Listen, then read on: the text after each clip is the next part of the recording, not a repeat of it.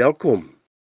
Ek praat met jou oor die hoop wat die koninkryk van die hemele bring vir die nuwe jaar. Jy sê, hoe kan so 'n oorbekende woord en begrip skielik vir my hoop en moed bring? Die gebed laat u koninkryk kom is nie 'n oproep tot die mens dat hy iets moet doen nie. Harder probeer of meer toegewyd moet wees nie. Dis nie 'n oproep tot selfverbetering of menslike aksie nie. Ook nie al die verbeelde dinge wat 'n skuldige gewete optower om jou onrus nog verder te verhoog nie.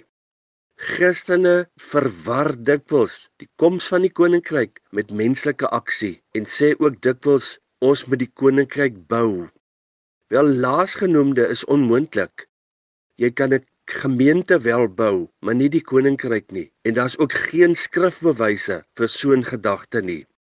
Laat u koninkryk kom is 'n totale wegdryf van jouself en 'n verwagting op aksie vanuit die hemele dat God sy vermoë en sy bestuurs en administrasie vermoë sal vrystel in my as mens.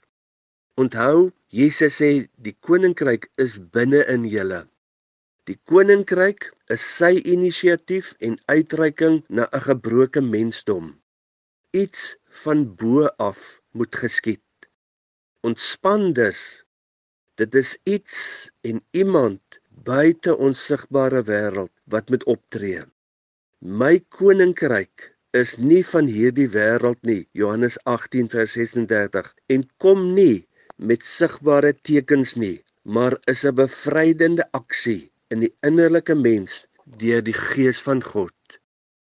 Vader, ek verwelkom u gees in my binneste om hierdie bevrydende aksie uit te voer. Amen.